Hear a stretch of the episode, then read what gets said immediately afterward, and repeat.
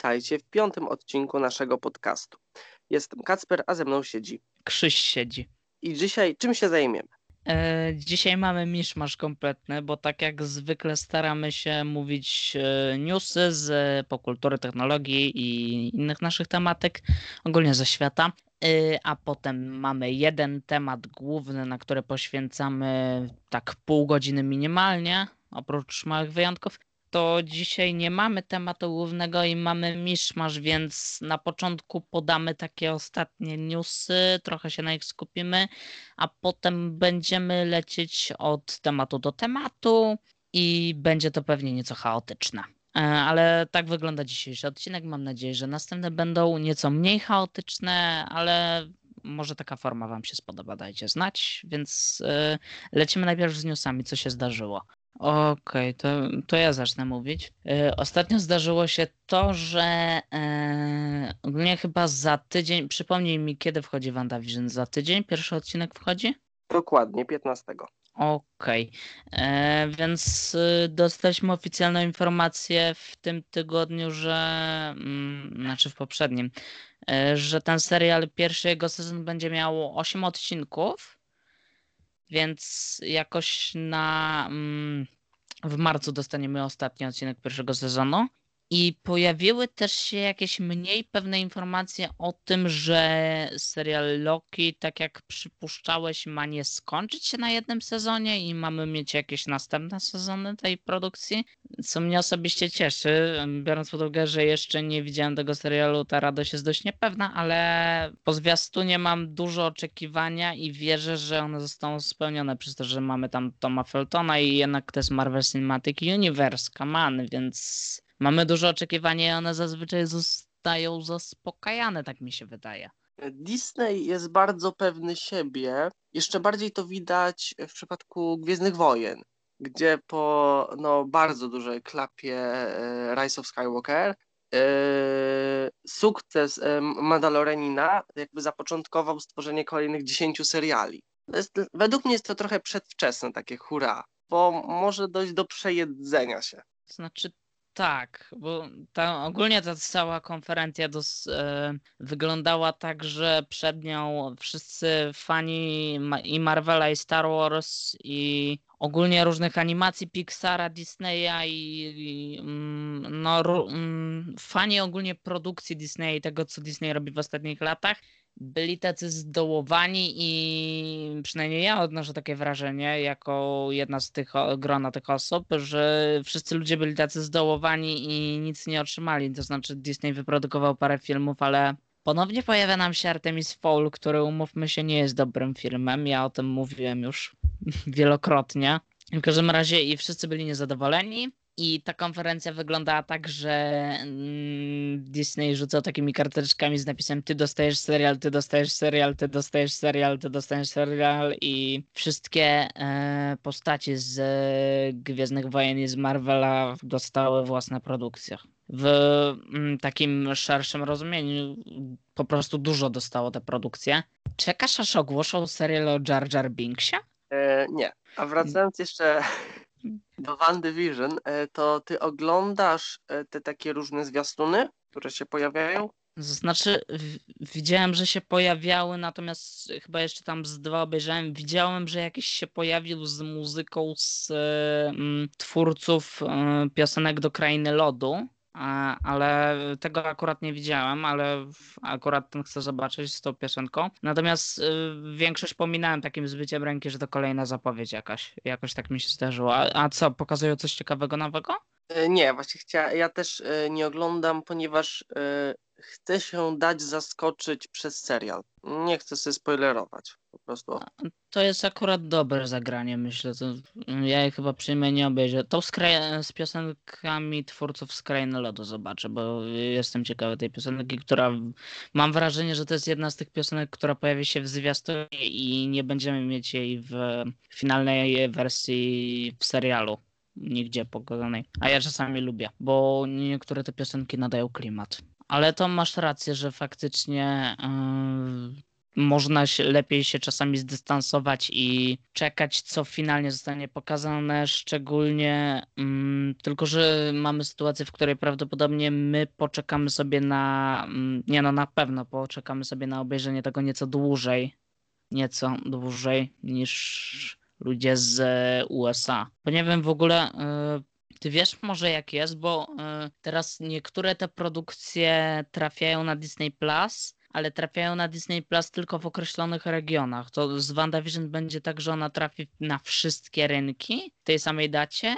Czy tylko na przykład w USA, Kanadzie albo krajach anglojęzycznych, czy coś? Nie mam pojęcia, ale nie widzę przeciwwskazań. Znaczy, nie wiem, czym by się kierowali, gdyby podjęli taką decyzję. Też nie wiem. Chociaż no, czasami oni mają powody jakieś, na przykład mają jakieś powody, yy, dlaczego Disney Plus nie ma jeszcze na rynku polskim. Oficjalna, znaczy wersja, która ma mm, najwięcej zwolenników jest taka, że po prostu uważają nas za biedny kraj i że niewiele osób kupi i się nie opłaca, ale też mnie się wydaje, że oni jakby chcą wystartować u nas z jak największym inwentarzem, a może być sytuacja taka, że w Polsce bo to jest kwestia licencji, tak? E, w jednym kraju Disney ma e, pełne prawo do produkcji Marvela i może je wrzucić na Disney Plus, a w innym kraju e, te produkcje Marvela, prawa do nich są rozsiane i jakaś telewizja ma do nich prawa, jakiś inny serwis streamingowy, Netflix ma do nich prawa.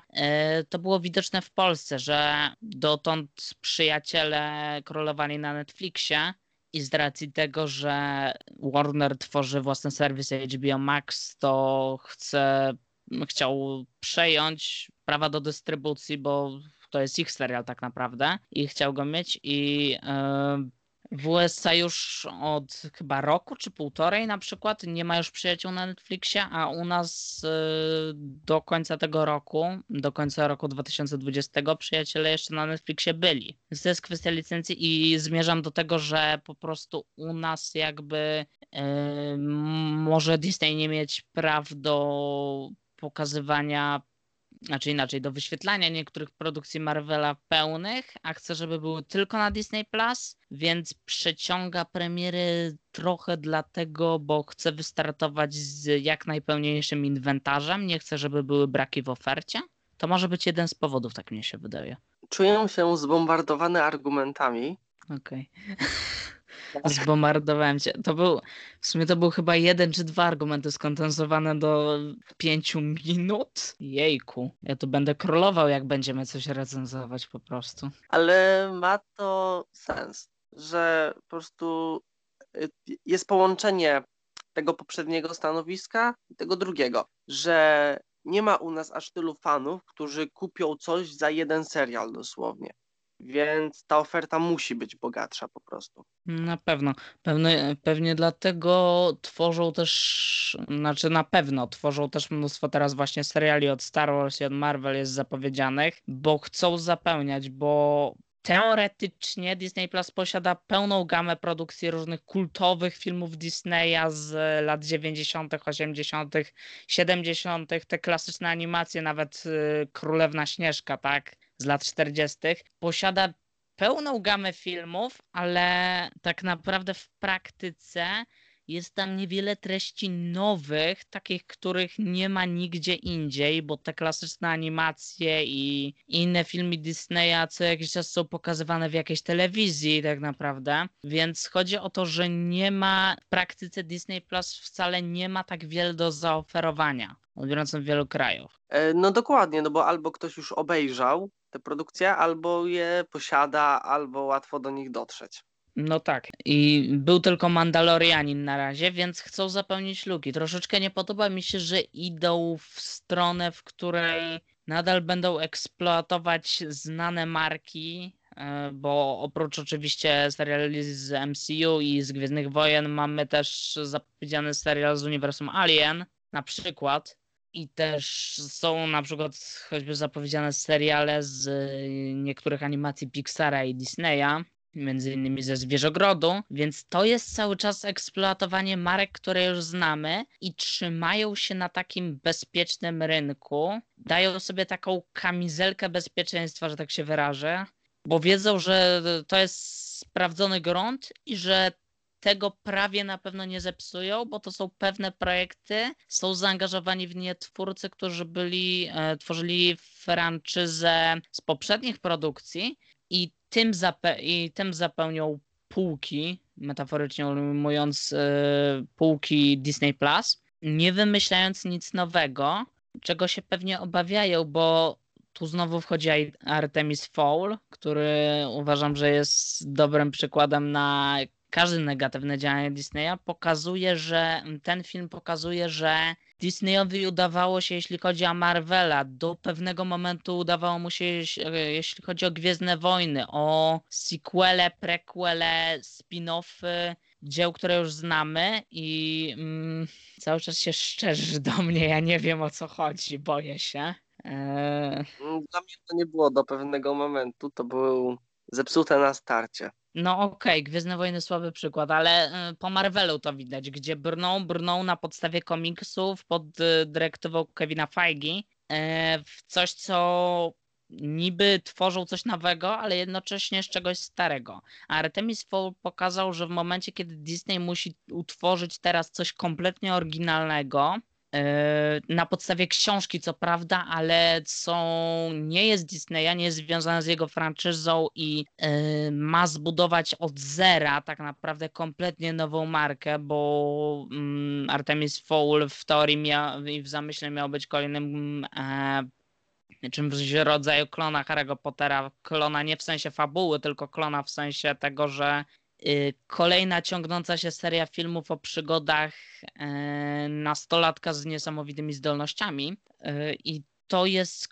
I to, że ten film nie wyszedł, mimo że w obsadzie mieliśmy dość dużo sprawdzonych nazwisk, a za na stołku reżyserskim zasiadł Kenneth Branagh, który według mnie nie, na planie był raz, maksymalnie dwa razy, pokazało, że Disney nie umie stworzyć czegoś nowego. I stąd to kurczowe trzymanie się czegoś starego, tego co już mieliśmy w tych uniwersach, co już są i należą do Disneya, ponieważ Disney boi się stworzyć coś nowego, bo wie, że niekoniecznie może to wyjść. Długo i chaotycznie, przepraszam.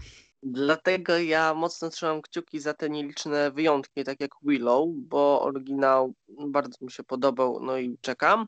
Natomiast też Disney nie musi podejmować takiego ryzyka, po prostu opierając się na markach, które posiada i pewnych rzeczy w cudzysłowie mu nie wypada jakby ciężko sobie wyobrazić Disneya tworzącego kolejnego Deadpoola. Aczkolwiek są już jakieś informacje, że niby trzeci Deadpool ma powstać. Wiem i to będzie właśnie taki test, czy potrafią właśnie przełamywać tą swoją e, strefę komfortową chociaż trochę. Niby tak, ale jednak jest też takie coś, co ci mówiłem nawet w poprzednim odcinku, że yy, Fox został przejęty, to jest kupiona firma, ale tam nadal częściowo pracują ci sami ludzie co dawniej i tak dalej. No, y, od Disneya niekoniecznie pod szyldem Disneya, Disney będzie się krył pod szyldem dystrybucja, E, będą to inne wytwórnie, ale mu podległe już całkowicie. Będą nadal się tworzyć filmy z kategorii R, tak? E, mamy studio e, Fox Searchlight, które jest studiem producenckim tworzącym głównie produkcje z mniejszym budżetem, bardziej artystyczne przeznaczone do tego między innymi, żeby wygrały Oscara. To studio jest między innymi odpowiedzialne za y, zeszłorocznego świetnego Jojo Rabbit między innymi, który już mnie się wydaje, że był tworzony po przejęciu Foxa i innych wytwórni Foxa przez Disneya, więc to też pokazuje, że to nie zmienia. Natomiast faktycznie jest coś, coś takiego, że jeżeli były plotki, że do uniwersum MCU mm, mieliby zostać włączeni X-Meni, to w teorii Deadpool z X-Menami też ma jakieś powiązania, a w MCU Disney trzyma się jednak tego, że to nie są produkcje przeznaczone dla starszych widzów, a jednak do um, ogólnego odbioru przez e, młodzież, a nawet dzieci. Jeżeli Deadpool miałby być wcielony do takiego Marvela, razem z X-Menami, którzy jednak są serią bardziej krwawą i przeznaczoną dla starszego odbiorcy, to nie do końca to sobie wyobrażam. To znaczy, to się e, po pierwsze, jeśli stanie, to dopiero za wiele lat, a po drugie, to będą raczej nowi X-Meni, że nie będzie to połączone z tamtymi, więc jakby nie będzie też konieczności łączenia z tym Deadpoola.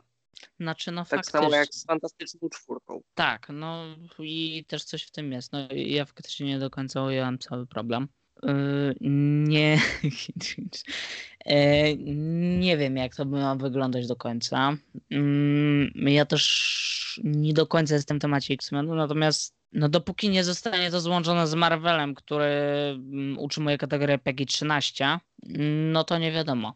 Też do niedawna mieliśmy utrzymywane, że na Disney Plus Disney nie będzie umieszczał e, produkcji powyżej wyżej e, wspomnianej wcześniej kategorii przeze mnie PEGI 13, a teraz kiedy do Disney Plus będzie wcielany już chyba mm, nawet w następnym tygodniu, tak mi się wydaje, na pewno do końca stycznia ma zostać wcielony Star, który ma zawierać właśnie y, dostęp do praktycznie wszystkich produkcji Foxa i innych wytwórni wcześniej podległych Foxowi, teraz Disneyowi no to to otwiera furtkę na to, żeby na Disney Plus pojawiały się właśnie produkcje dla starszych widzów. I teraz, mm, jak o tym teraz cały czas mówię, to zastanawia mnie, jak to się przełoży na na przykład seriale mm, Marvela, które wcześniej mieliśmy na Netflixie i teraz już ich tam nie ma, bo w większości zostały pokasowane, ale na przykład te seriale pokroju y, Jessica Jonesa, Iron Fista, wiesz o co mi chodzi? E, Wiem, wiem, e, Daredevil i tak dalej, ale ciężko byłoby połączyć. To by było takie na siłę, bardzo na siłę. Znaczy, już nie chodzi mi o samo połączenie, ale o to, czy. Bo ja wątpię, żeby Disney powrócił akurat do tych produkcji, do tych seriali, ale ciekawi mnie, czy na przykład e, nie będzie, nie pojawi nam się coś takiego, że w kinach. e, Chodzi mi teraz o Marvela bezpośrednio. Też trochę o Gwiezdne Wojny, ale głównie o Marvela. Że w kinach nadal będą nam królować od Marvela te produkcje dostępne ogólnie, a na Disney Plus pod szyldu Marvela zaczną nam produkować znowu produkcje dla bardziej ograniczonej, starszej widowni. Czy może dojść do takiego czegoś w ogóle? Może, natomiast tutaj trzeba być bardzo ostrożnym, bo według mnie tutaj taki trochę paradoks się robi, ponieważ nowy Doktor Strange ma być w klimacie horrorowym, a z tego co słyszałem, to ma mieć tą samą kategorię wiekową, co inne filmy Marvela. I teraz jak to połączyć? Znaczy, horror niekoniecznie musi nam pokazywać dużo krwi i latających flaków. Inaczej, yy, coś może w kinie sprawiać, że się boimy, jednocześnie nie pokazując nam e, super drastycznych obrazów. Też to, że te filmy Marvela są w tej kategorii, niekoniecznie sprawia, że we wszystkich mamy obrazy bardzo złagodzone, bo oczywiście nie są to obrazy super brutalne, ale tak na przykład już odnosząc się do e, Doktora Strange'a, chyba w pierwszej scenie, pierwszej części tego filmu mieliśmy scenę ucięcia głowy, tak mi się wydaje przynajmniej, że tak było, co z jednej strony chyba nie było do końca pokazane, tam mm, to się działo minimalnie, mm, minimalnie w kadrze to było pokazane, mm, dość symbolicznie. Natomiast e, samo pokazanie i oczywistość tego, że to tam było, tylko nie do końca było pokazane, już niekoniecznie sprawia, że najmłodsi widzowie mm, Marvel Cine- Cinematic Universe mogą bez żadnych przeszkód oglądać te produkcje. Jakby ci tu powiedzieć, nie masz za dużego raczej doświadczenia w tych y, kreskówkowych produkcjach przeznaczonych dla starszych widzów, z tego co się orientuję. No raczej do końca nie mam. I jakby ja oglądałem kilka tych Logan, Joker i tak dalej. Mhm. I według mnie takie produkcje są potrzebne. I jak się obejrzy, to jest bardzo duża i wyraźna granica między nimi a na przykład właśnie MCU, więc no trochę się obawiam tego wszystkiego, żeby to nie zostało tak zmieszane. Podział według mnie działał korzystnie według, dla obu stron. To znaczy, ja się z tym zgadzam, że powinien być ten podział. Ja też nie mówię, że te seriale, co mówiłem, że mm, w kinie bardziej e, dla ogólnej widowni e, na Disney Plus tego samego uniwersum, ale jednak bardziej dla um, krwawe i więcej scen nie dla młodszych odbiorców. Ja nie twierdzę, że to ma się łączyć. Ja mówię o sytuacji, mnie, mnie się też nie do końca podoba sytuacja, w której teraz mamy już prawie potwierdzone, że większość nowych seriali e, zapowiedzianych mm, na Disney Plus z uniwersum Marvela ma się bezpośrednio łączyć z tym, co będziemy mieć e, na ekranie pokazane w następnych latach. Tak jak e, stwierdzaliśmy już w poprzednich odcinkach e, temu poświęconemu konferencji dla inwestorów właśnie, trudno to będzie większości ludzi ogarnąć po prostu, jeżeli będziemy mieć takie nagromadzenie, że będą, dajmy na to, dwa, trzy filmy rocznie, plus dajmy na to jeszcze minimum dwa seriale w tym samym roku i to wszystko będzie się łączyć i spajać, to na 100% będzie to po prostu trudne do ogarnięcia, bez względu na to, jak płynnie będzie to stworzone. Więc bardziej chodzi mi o sytuację, w której te seriale bardziej krwawe i nieodpowiednie dla młodszych odbiorców będą oddzielone od tego, co mamy na ekranach i wreszcie seriali łączące się bezpośrednio z MCU. Ja bym wolał, żeby bardziej poszli w kierunku, że seriale na Disney Plus nie łączą się z tym, co mamy pokazane w filmach. Ja jednak twierdzę, że to by była bardziej odpowiednia strategia i mniej ryzykowna po prostu. E, tak, szczególnie, że kiedy powoli zaczynamy mieć, jak się porówna ilość e, seriali do filmów e, w tym roku i przyszłym i kolejnych, to powoli seriale zaczynają mieć przewagę i to się gryzie trochę nawet całą nazwą uniwers uniwersum Marvel Cinematic Universe. A według mnie właśnie X-Meni może by się do serialu nadawali, tak do rozważenia. No jest to jakiś pomysł. Też yy, teraz tak naprawdę od, yy, nie wiem czy wiesz, ale te yy, ogólnie początkowy plan chyba na X-Menów mnie się wydaje, że był taki, że to Logan miał zakończać to całe, co do, y, wszystko co dotychczas mieliśmy pokazane Roczna Phoenix miała być gdzieś wcześniej. Ja się muszę przepraszam przerwać, bo to wygląda tak, że Logan jakby zakończył, nazwijmy to zwykłą osią czasu. Aha. Był film, w którym się cofał w czasie i zmieniał przyszłość i przez to powstały te dwa nowe. Y, Apokalips i właśnie Mroczna Phoenix, więc to tak trochę chaosu tutaj, bo jakby okay. on był ostatnim y, z tej, y, z tej głównej serii, czyli tej trylogii, i prequelu Pierwsza Klasa. No i solowych Wolverine. Rozumiem. Ja nie do końca jestem w temacie, bo nie wszystko z tego widziałem. Ja też nie wszystko, ale jakoś się orientuję. No okej, okay. no i ja też się mniej jakoś interesowałem, skupiłem się na MCU właśnie. Ja postacie lubię, Filmy nie są wybitne, ale właśnie postacie zawsze lubiłem jako dziecko. Właśnie. Też nie widziałem tego właśnie, do czego zmierzałem. Nie widziałem tego nowego filmu New Mutants, ale mniej więcej wiem o co tam chodziło że ten film miał początkować kompletnie nową historię, z tego co wiem. I biorąc pod uwagę tego, że yy, yy, już raczej to jest potwierdzona informacja, że jego premierę mieliśmy przesuwaną wciąż i wciąż, i bo on był zaplanowany na wcześniej i yy, nie zebrał takich wyników finansowych, jakie, mm, na jakie liczył Fox, bo to był e, jeden z ostatnich filmów Foxa zrealizowany jeszcze przed całkowitym przejęciem przez Disneya. I e, nie zebrał takich wyników. Ludzie podobno nie byli zachwyceni, ale chcieliby dalej zobaczyć tych bohaterów, przynajmniej niektórzy tak kojarzą, że były takie opinie w internecie z tego co czytam. I wiemy już, że raczej nie otrzymamy kontynuacji przygód bohaterów, którzy byli tam pokazani, bo po prostu film nie zebrał tyle kasy, ile powinien według wytwórni, prost mówiąc. A ten film miał początkować jakby coś nowego i teraz chyba mamy okres, w którym całe uniwersum X-Men ma odleżeć na półce po prostu przez jakiś dłuższy czas i przeczekać, aż będzie dobry moment, żeby to znowu zacząć i faktyczny pomysł, żeby to dalej rozwijać w coś, czego oczekują ludzie i wytwórnia. No, według mnie jakiegoś filmu czy serialu możemy się spodziewać za 3-4 lata może ewentualnie jakieś wcześniejsze cameo w scenie po napisach, ale to takie mało prawdopodobne.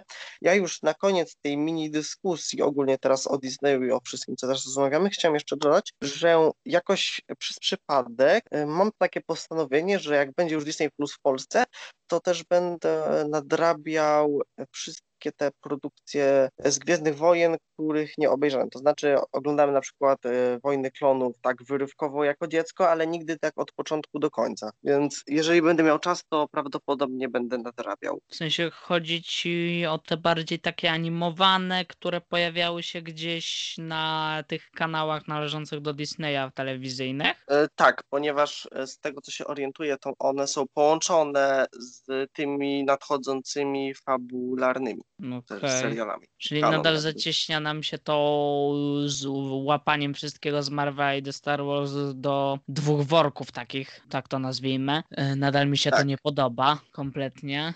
To znaczy, no jak to zrealizują, to okej, tylko trudno się to ogarnia po prostu dla ludzi, którzy chcieli być z Marvelem na bieżąco, a byli z nim już niekoniecznie od tego roku 2008, kiedy wyszedł Iron Man, tylko trochę później, ale był to jeszcze moment, kiedy udało im się nadrobić wszystkie wcześniejsze filmy. To było to dla nich stosunkowo łatwe, żeby na bieżąco być e, dalej z produkcjami, a te powiązania między innymi z każdym rokiem się tak naprawdę zacieśniały i były coraz bardziej takie, że na przykład Endgame czy nawet Infinity War już nie można obejrzeć nie znając poprzednich produkcji. Ale zdziwiłbyś się, moi rodzice obejrzeli. Nie, naprawdę? I, i, ale i co? Em, e, hmm, powiem tyle, że mój tata stwierdził, że zakończyli trochę lepiej niż Skywalker Odrodzenie, więc zosta zosta zostawmy to. Znaczy, no, ja nadal jestem przeciwnikiem finałowej bitwy, ale no to, e, Jest taka epicka, ale tak. to znaczy, to jest e, jakby ten podcast istniał, kiedy wyszło Avengers Endgame, to to byłby temat na dyskusję, ale teraz to już nie za bardzo. E, Przechodząc do tego, czy mówiłem, no i sytuacja, i ludzie oglądali produkcję, tak, byli na bieżąco, bo chcieli być, bo jednak łączyło ich coś z bohaterami tego uniwersum i tak dalej. Chcieli na bieżąco i byli, i było to stosunkowo łatwe, bo co rok im wychodziły maksymalnie tak naprawdę trzy filmy z tego uniwersum i nic więcej, więc pójść stosunkowo e, trzy, mm, pójść do kina trzy razy w roku i dzięki temu być na bieżąco z mm, tym uniwersum, wiedzieć o czym gadają twoi znajomi, tak? Jest jeszcze stosunkowo łatwo. W momencie, kiedy masz kilka seriali na, gdzieś tam na jakiejś platformie, za którą dodatkowo musisz bulić, e, masz ileś tam filmów i jeszcze coś ci się tam pojawi w oddali, no to tak jak wcześniej mówiliśmy, że śledzenie tego jest dla niektórych, nie dla wszystkich, tak, ale dla niektórych stanie się bardzo utrudnione, dla niektórych wręcz niemożliwe. Z Gwiezdnymi Wojnami jest trochę inna sytuacja, bo to jest też e, inny rodzaj uniwersum, tak, wiadomo, że tu wystarczyło e, z główną historią, żeby być, która w Marvelu była podzielona na te trzy filmy rocznie i to się ciągnęło przez te lata. W Gwiezdnych Wojnach mieliśmy główną historię, czyli no de facto, jak to nam e, sugerował ostatni film, że to cały czas była saga Skywalkerów, niby była, nie do końca da się z tym zgodzić. Trochę tak, ale nie do końca. To wystarczyło być na bieżąco z jednym i w jednym roku, z jednym filmem na dwa lata tak naprawdę. Więc to było A też łatwiejsze zadanie. no. mówimy teraz, a wcześniej to były przecież przerwy przed prequelami, po prequelach i tak dalej. Znaczy, no, uniwersum Gwiezdnych Wojen tak naprawdę miało zakończyć się na starej trylogii. Taki był początkowy ten, ale potem kasa. Były według... Ja lubię prequel. Ja, ja jestem specyficzną osobą. Ja się na nich wychowałem i dla mnie one są definicją tego, co są Star Warsy. To znaczy ten cały świat przedstawiony. Jakoś ta Republika, Rada Jedi, to wszystko od... no, to były pierwsze filmy, które oglądałem i dlatego jestem tak z nimi zżyty. Znaczy, w moim życiu też był taki okres, kiedy ja y, super hiper byłem zajarany, że tak się wyrażę, y, całymi Gwiezdnymi Wojnami, tak? I tym, co one przedstawiają, też mnie super ciekawi ten świat. Nawet mam na półce te książki takie y, typu podręcznik po poszczególnych postaciach, ich opisy i tak dalej. Postać, która pojawiła się w jednej części, poczekaj chwilę, że w, na stronie tej książki mieliśmy postać, która pokazała się w jednej części, w jednej scenie i ona była tam opisana jakoś dosyć szczegółowo.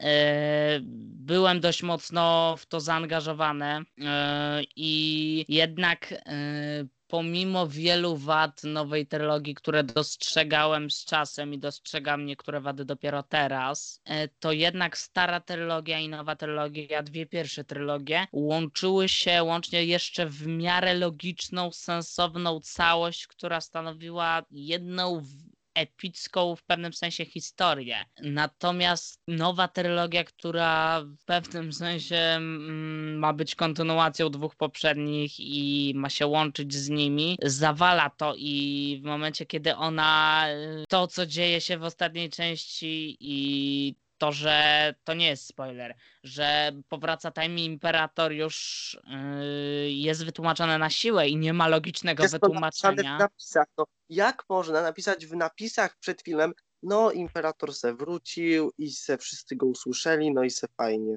No, Znaczy, Brawo. no, nie, no nie. Tam mm, też. Eee, ja osoba, która była, tak jak ci mówiłem, ja byłem zaangażowany, ale byłem zaangażowany w takim sensie, że bazowałem swoją wiedzę głównie właśnie na filmach i na tym się ona kończyła, bo nie byłem takim super hardkorowym jednak fanem. Byłem fanem, ale nie bardzo hardkorowym.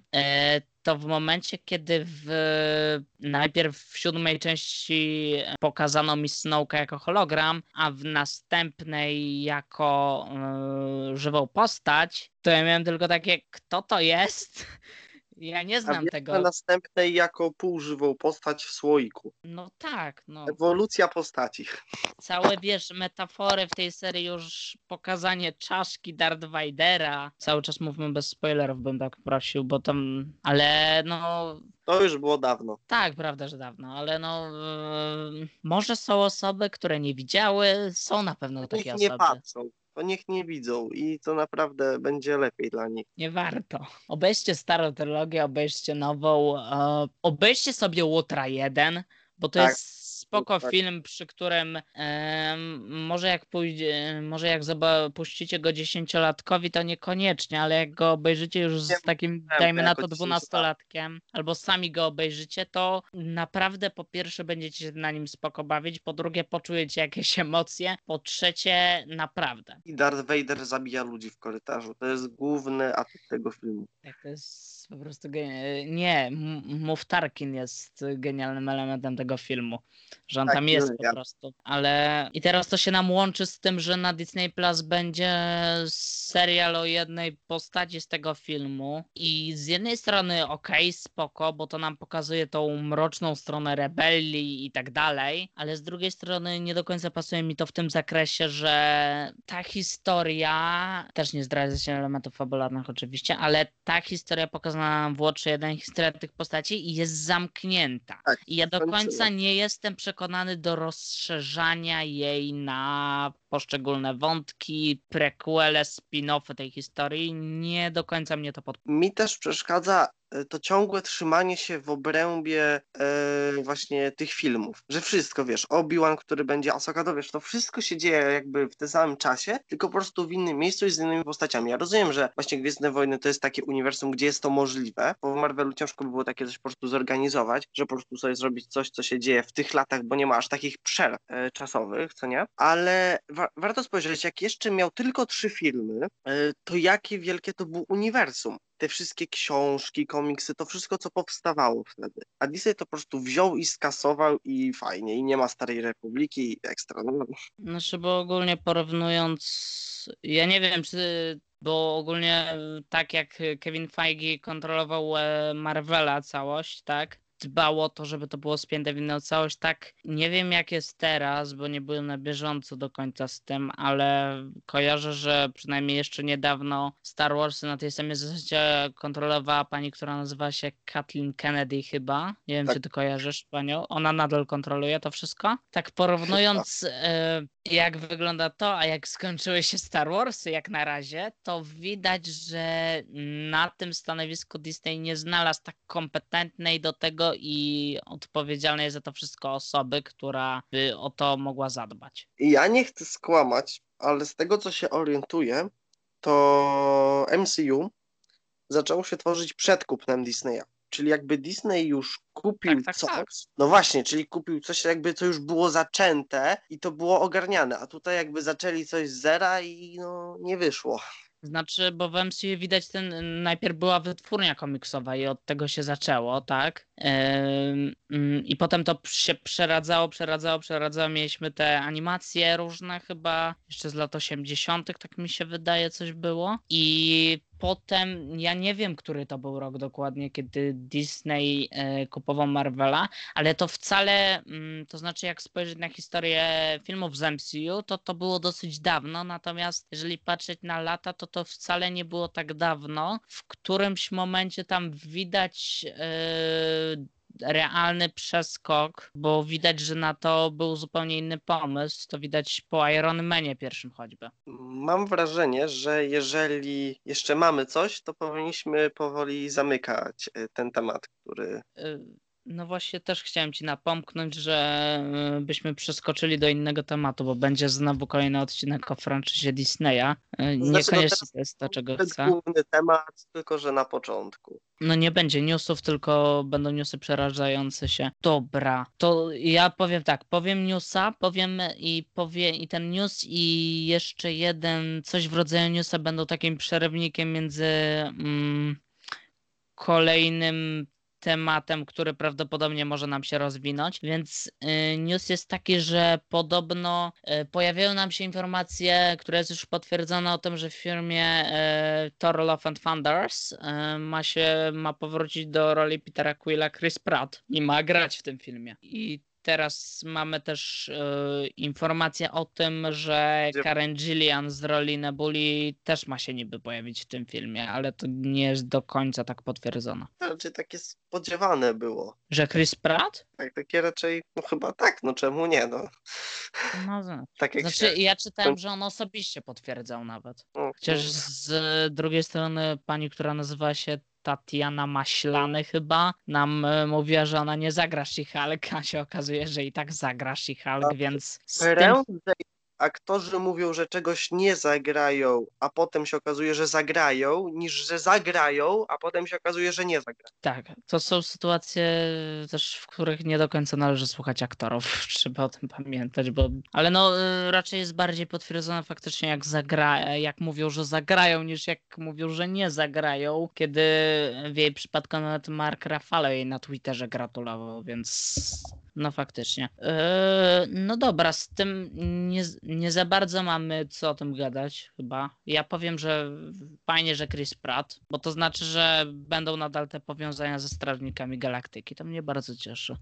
Bo ja uważam, że po tym, co widzieliśmy w Torze Ragnaroku i to, co pokazywały od początku Strażnicy Galaktyki, widać, że mm, ładnie można klimat tych obu produkcji mm, ze sobą połączyć w ładny, ciekawy sposób. No to też będzie, mnie to bardzo ciekawi ten film, bo Thor jest jakby jednym z ostatnich bohaterów, tych oryginalnych, którego historia się jeszcze nie skończyła. Hawkeye prawdopodobnie po prostu będzie miał następczynię.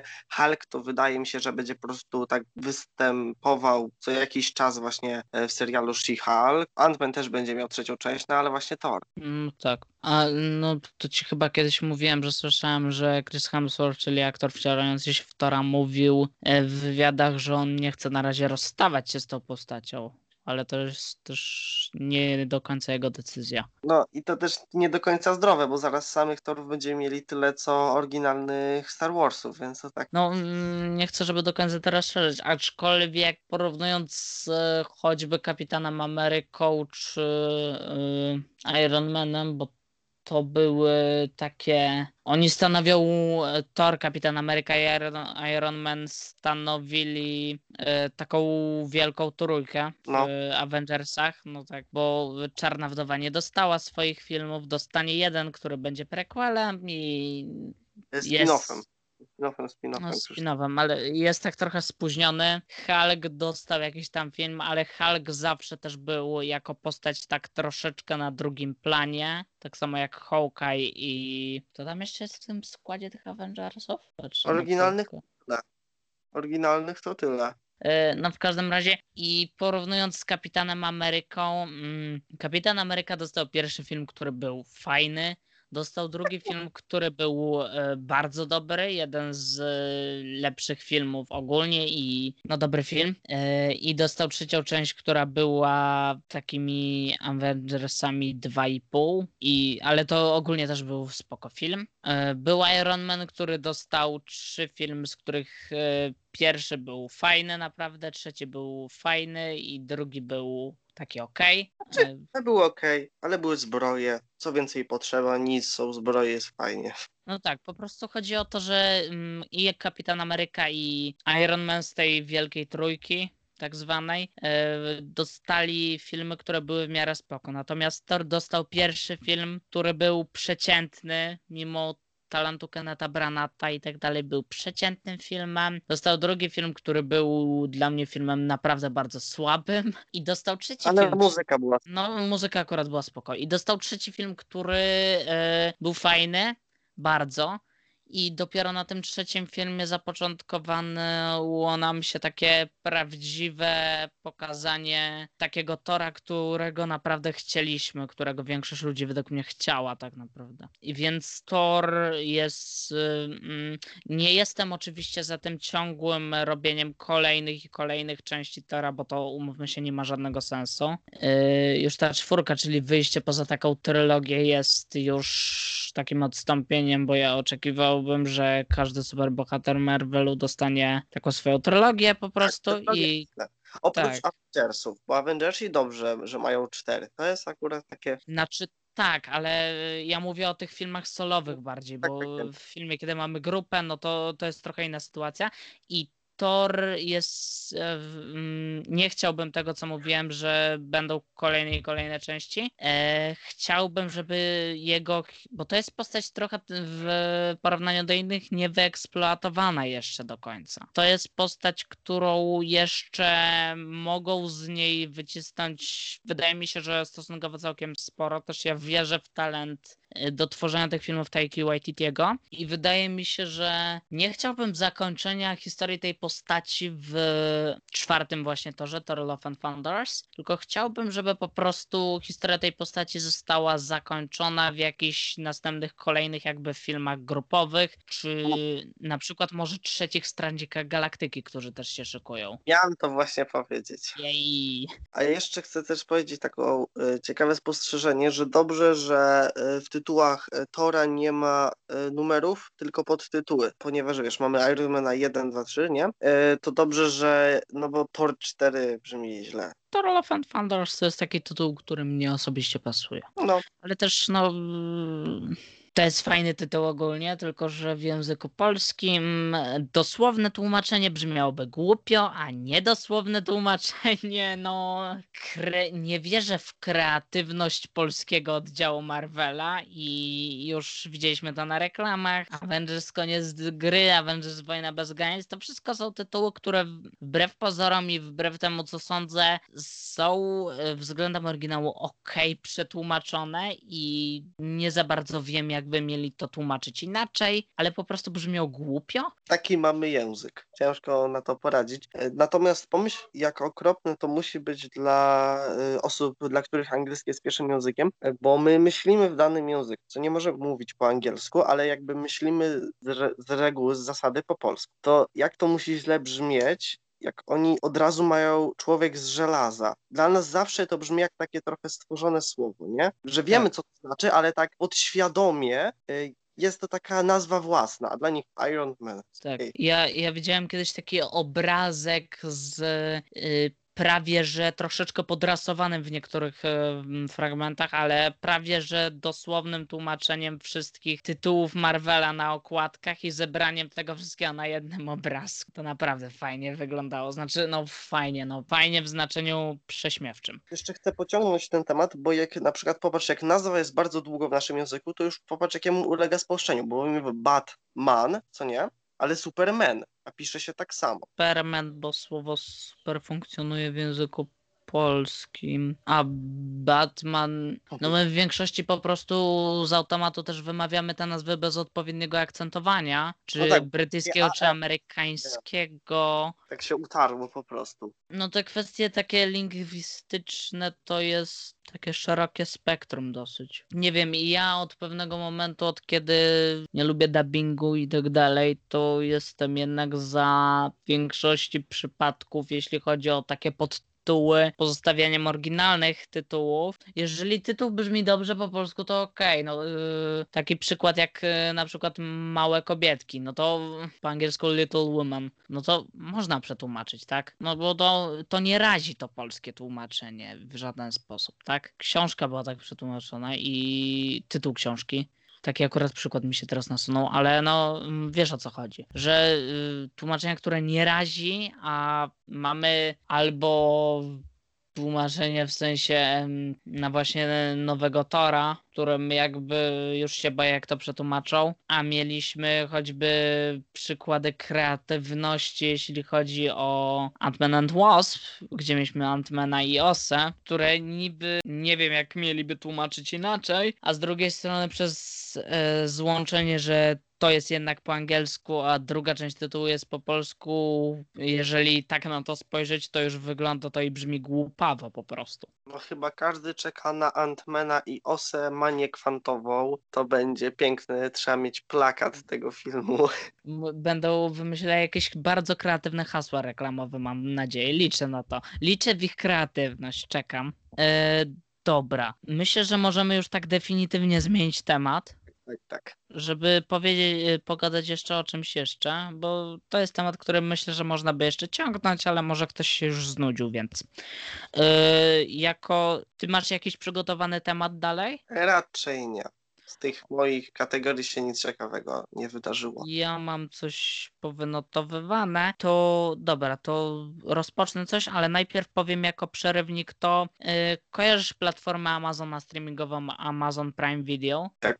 No, to ona jest nie do końca dostępna po, pol, e, po polsku, bo Amazon nie do końca jest dostępny w Polsce. Dotąd mieliśmy coś takiego, że od 16, e, 2016 roku większość, pro, e, chyba wszystkie produkcje miały przynajmniej polskie napisy. Nie zawsze miały lektor albo dubbing, ale zawsze miały polskie napisy. W dużej ilości przypadków też lektora albo dubbing, ale chodziło o to z tą platformą, że można było abonament tylko opłacać u nas w euro, a teraz miałem to powiedzieć w zeszłym tygodniu, ale mi umknęło, że teraz te, za tą platformę już można płacić złotówkami i na stronie głównej mamy podaną polską cenę. Czyli było tam chyba 5,99 euro, tak mi się wydaje, a teraz jest chyba 25 zł z grosza. Więc Nice. nie, tak, to jest ogólnie spoko. Nie interesowało mnie by tak bardzo to, ale biorąc pod uwagę, że stosunkowo niedługo, chociaż premiera się cały czas przesuwa, wychodzi na to, że ma być dopiero za około dwa lata, ale ma nam się pokazać serial z uniwersum Władcy Pierścieni, który z drugiej strony podobno nie ma mieć wiele wspólnego z książkową em, światem wykreowanym w książkach przez Tolkiena, To jest ale niefajne. co to co? Według mnie to jest niefajne. No niby tak, ale z drugiej strony jednak czekam i jestem ciekawy, co tam w ogóle pokażą, tak? Co mają do pokazania i dlatego biorąc pod uwagę, że kiedyś e, za jakiś czas opłacę tą platformę, tak? Przez jakiś czas to mm, wiadomość o tym, że będę mógł zapłacić za nią złotówkami, a na przykład dla mnie byłoby utrudnione opłacanie za nie, opłacanie tej platformy inną walutą i podejrzewam, że dla niektórych osób też. To, że mamy teraz tam polską cenę jest spoko dodatkiem. E, ogólnie to mm, słyszałem coś, że premiera Wonder Woman w Polsce znowu miałaby być przesunięta.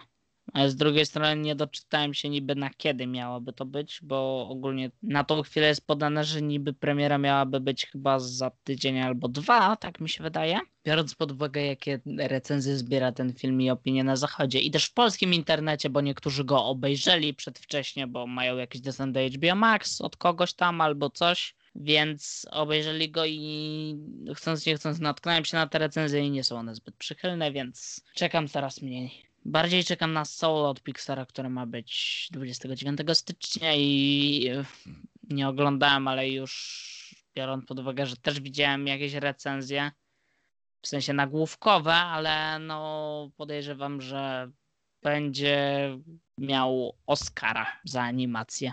A on podchodzi jeszcze pod ten rok, jeśli chodzi o Oscary? Mm, no za 2020, tak. A, okej, nie wiedziałem. W sensie, bo teraz mamy Oscary pod koniec kwietnia, bo jest przesunięta, ale Oscary, tak jak y, za Oscary rok temu mm, dostał Jojo Rabbit, który u nas miał w 2020. Ogólnie jest takie coś, że Oscary są z dwa- 2020 i na Oscarach za 2020 Oscary otrzymują filmy z 2019 roku. Tak to działa. I tak pyk, wiem. pyk, idzie, no i a tylko, że czasami się robi tak, że po prostu u nas wiele filmów Oscarowych wchodzi później. Więc my dostajemy je finalnie tuż przed ceremonią do obejrzenia. Ale grunt, że większość dostajemy, to jest pozytywne przynajmniej. Co to tam chyba tak było. Z czym tak było? Z Jojo Rabbit. Tak, bo Jojo Rabbit w Stanach przed we wrześniu 2019, chyba coś około tego. Czy tak było z 1917 chyba na przykład i jakimiś innymi filmami. No dużo było takich przykładów. E, No i w każdym razie tak. A z kolei za tydzień wchodzi nam nowy Samsung. O tym też mówiliśmy. I on mm, mm, i o tym będziemy robić prawdopodobnie temat główny w następnym odcinku. Bo może będzie o czym. Myślisz, że będzie kosztował jeszcze więcej niż rok temu Samsungi? Ten najdroższy możliwe, bo chyba będzie miał rysi. A, tak, bo do Note'a. Tak, bo Samsung kupił serię Note, więc w SC będzie rysik, ale chyba będzie jednocześnie takie coś, że nie będzie otworu, tylko będzie specjalne etui z miejscem na ten rysik. O, jakoś mnie nie przekonuje.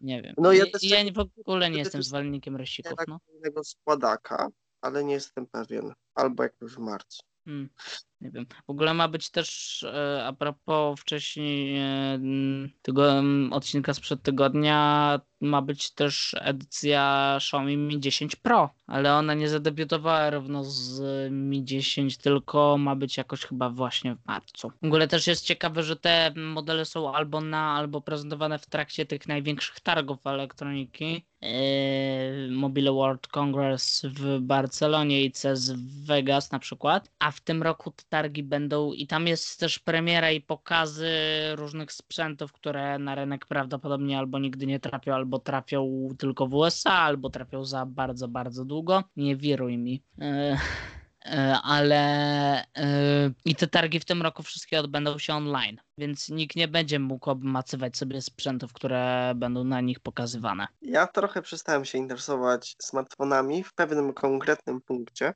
pomijając już kwarantannę. Był to moment, że jak byłem młodszy, zawsze bardzo y, tak czekałem na ten pierwszy składany, że o, składany. Potem poszedłem, wziąłem go do ręki, to było takie, no i fajnie, no i, no i, no i tyle.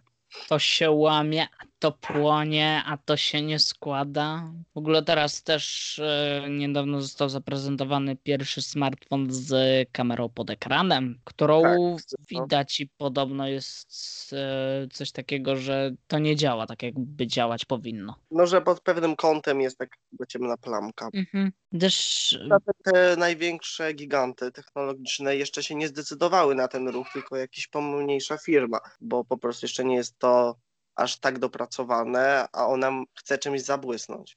Orientujesz się, marka? Mm, to było chyba Vivo, ale ogólnie jest coś takiego, że jakaś pomniejsza firma wypuści, potem inne firmy to teoretycznie dopracują, potem i tak będą się składaki łamać, inne smartfony z dużą baterią będą płonąć, wybuchać, ale dopracują to w teorii i potem powiedzą, że ona e, taki Samsung czy nawet Xiaomi teraz e, dopracuje to i wypuści taki z kamerką pod ekranem i powie, że jest pierwsza. Zwykle tak się robi. A Apple wypuści za 10 lat i będzie.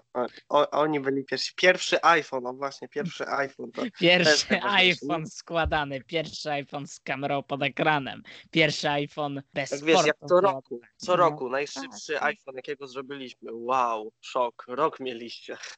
To znaczy, ja mimo wszystko podziwiam Apple'a za to, że y, Apple, przepraszam, z akcentem trzeba mówić, English perfect, e, że mimo tego, że te smartfony mają e, kompromisy, jednocześnie mają szybkie procesory i bardzo w niektórych aspektach dobrze działają i dobrze się sprawdzają, to mimo tego decydując się na zakup użytkownik musi pójść na wiele kompromisów, musi wydać większe pieniądze. Kompromisy są coraz bardziej kontrowersyjne.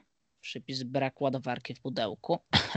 I mimo tego e, te smartfony się sprzedają i Apple zgarnia mimo tego coraz większe pieniądze.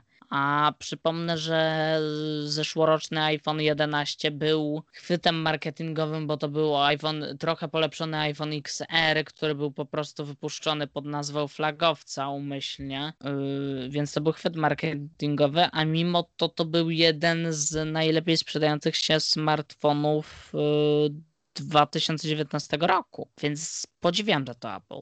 Naprawdę. Dlatego ja tracę wiarę w społeczeństwo. No tak, a, a propos utraty wiary w społeczeństwo, to y, możemy przejść chyba do wyczekiwanego przez ciebie długo tematu politycznego? Jej. I teraz wszyscy wyłączają odcinek. Dziękujemy. Subskrybujcie kanał na YouTube. Szczególnie słuchacze amerykańscy. A, to, a według rankingu mamy naszej, No, większość naszej publiczności, to wiesz.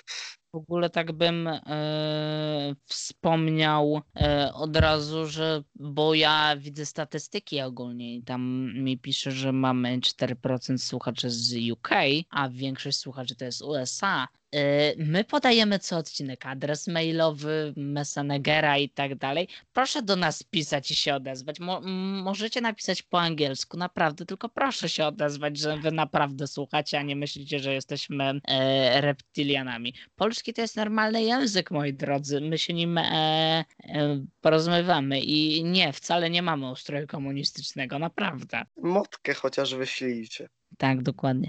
E, no dobra, no to powiesz coś a propos tych twoich politycznych tematów? Tak, ponieważ ze względu na bardzo wyrównane wyniki wyborów mamy obecnie, no ciężko to nazwać protestem, tylko takie zgromadzenie, które sobie weszło do Kapitolu, bo nie chce, żeby pan Joe Biden został prezydentem. Tak to wejście do Kapitolu, ja tylko przypomnę, bo może nie wszyscy o tym wiedzą, ale to wejście do Kapitolu yy, to jest dosyć wyjątkowe wydarzenie, bo to jest pierwsze takie wtargnięcie od czasów wojny secesyjnej. Więc biorąc pod uwagę, że Stany Zjednoczone są jednak dosyć młodym krajem, to stosunkowo jak na ilość yy, czasu, przez jaki funkcjonował ten kraj, zmierzając do setna, yy, to bardzo dawno zdarzyło się takie wtargnięcie, więc jest to dość wyjątkowe wydarzenie. 2021, pierwszy tydzień, witamy. Y, to Nie będzie dobry rok. Y, tak na serio to no, no straszna jest ta polaryzacja społeczeństwa. No jak u nas, tak? No, podobna sytuacja, z tą różnicą, że u nas znowu y, prawica wygrała wybory. No i z tą różnicą, że amerykańska prawica i lewica różnią się od naszych no i tak, tak, tak to jest zupełnie e, jednak coś innego. Znaczy można to pod tym kątem porównywać. Oczywiście nie kwestionuję tego, ale no... Bardziej właśnie tego podziału. Znaczy no tak, że u nich też jest podział, bo u nich de facto są dwie partie, to znaczy są inne partie, ale... Kogo no, to obchodzi? W pewnym sensie nie istnieją, bo nikt na nie nie głosuje. Tam są chyba jakieś pół procenta głosów z całych Stanów Zjednoczonych, no to co to jest? W ich systemie nie daje nic, bo mają te głosy elektorskie, czyli dwie główne wszystkimi no, no, rozporządzają. Jakby mm-hmm. tamte nie spełniają progu po prostu. Znaczy, to poprzedni rok ogólnie i no wiele osób było niezadowolonych z y, prezydentury Donalda Trumpa i y, a też jednak przemawiał do ludzi w taki sposób, że był takim nice guy, że tak się wyrazimy, więc wiele ludzi urzekł pod pewnymi względami, tak się wyrażę, więc po prostu w się zapadli. Ja nie do końca bym się wypowiadał, bo nie czuję się do końca kompetentny w tym temacie. Przeraża mnie to, że e, już co najmniej jedna osoba została zastrzelona przez policję. Tyle wiem w tym kapitolu. Ja nie wiem, czy to był uczestnik tych manifestacji, czy no świadek, że cywil. To był chyba uczestnik tych manifestacji, a biorąc pod uwagę, że do sytuacji z e, zaprzysiężeniem Bidena e, to Trump kontroluje administrację w USA, więc w pewnym sensie ma jakąś kontrolę nad policją.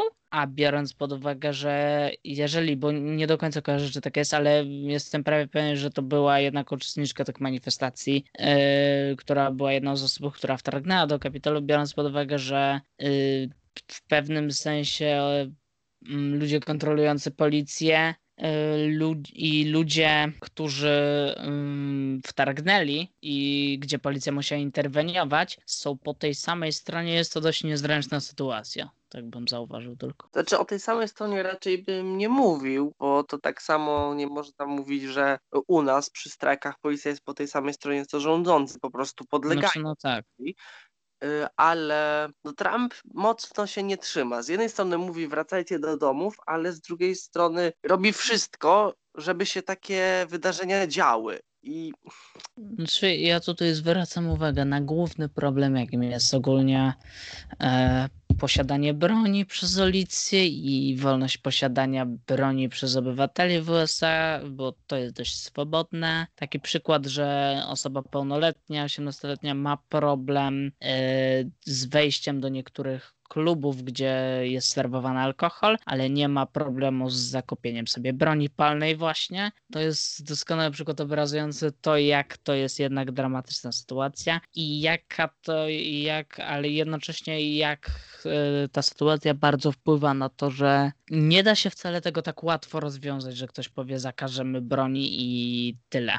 Bo to nie jest wbrew pozorom takie proste, więc to jest dość skomplikowane. no nie, to jest przyzwyczajenie społeczeństwa do prawa. Wtedy to jest jakby zabranie prawa więc obywateli, więc to też nie wiem, czy chcemy dalej brnąć ten temat. Znaczy, wiesz, ja tak jak mówiłem, nie czuję się dość kompetentny w tym i jakby nie mam więcej do końca do powiedzenia. Ewentualnie przyznaję ci rację lub niezgodzenie się, kiedy będziesz coś dalej mówił.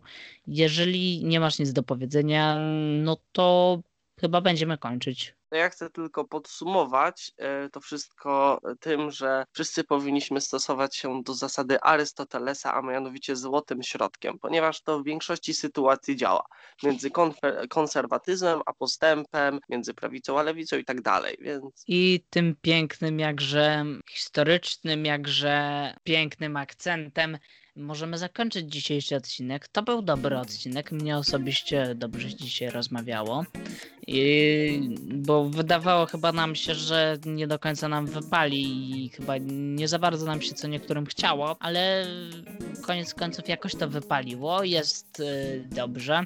Mam nadzieję, że Państwu też dobrze się nas dzisiaj słuchało i kiedykolwiek słuchacie, bo mm, to jest stale dostępne, nie wiemy kiedy tego słuchacie. W każdym razie, e, jak co tydzień zachęcamy do pisania nam swoich przemyśleń, jakichś pytań a propos nas, jako ludzi e, w formie maili na nasz adres newsloverspodcast.gmail.com Zachęcamy, możecie też kontaktować się z nami za pośrednictwem komentarzy pod naszymi filmami do YouTube, e, na YouTube i mm, na naszym e, profilu facebookowym za pośrednictwem Messengera.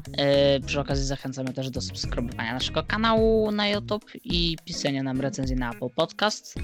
A przede wszystkim słuchajcie, następny odcinek y, jak zwykle w poniedziałek o, trz- o 16. Teraz lecimy już regularnie, nie ma zmiłuj, będziemy nagrywać co tydzień do Wielkanocy, wtedy prawdopodobnie będzie jakaś przerwa wcześniej. Postaramy się, żeby jej nie było. Dzie- jeszcze raz dziękujemy za dzisiaj wszystkim, którzy nas słuchali i do usłyszenia za tydzień. to ja lecę oglądać Władcę Pierścieni. Cześć.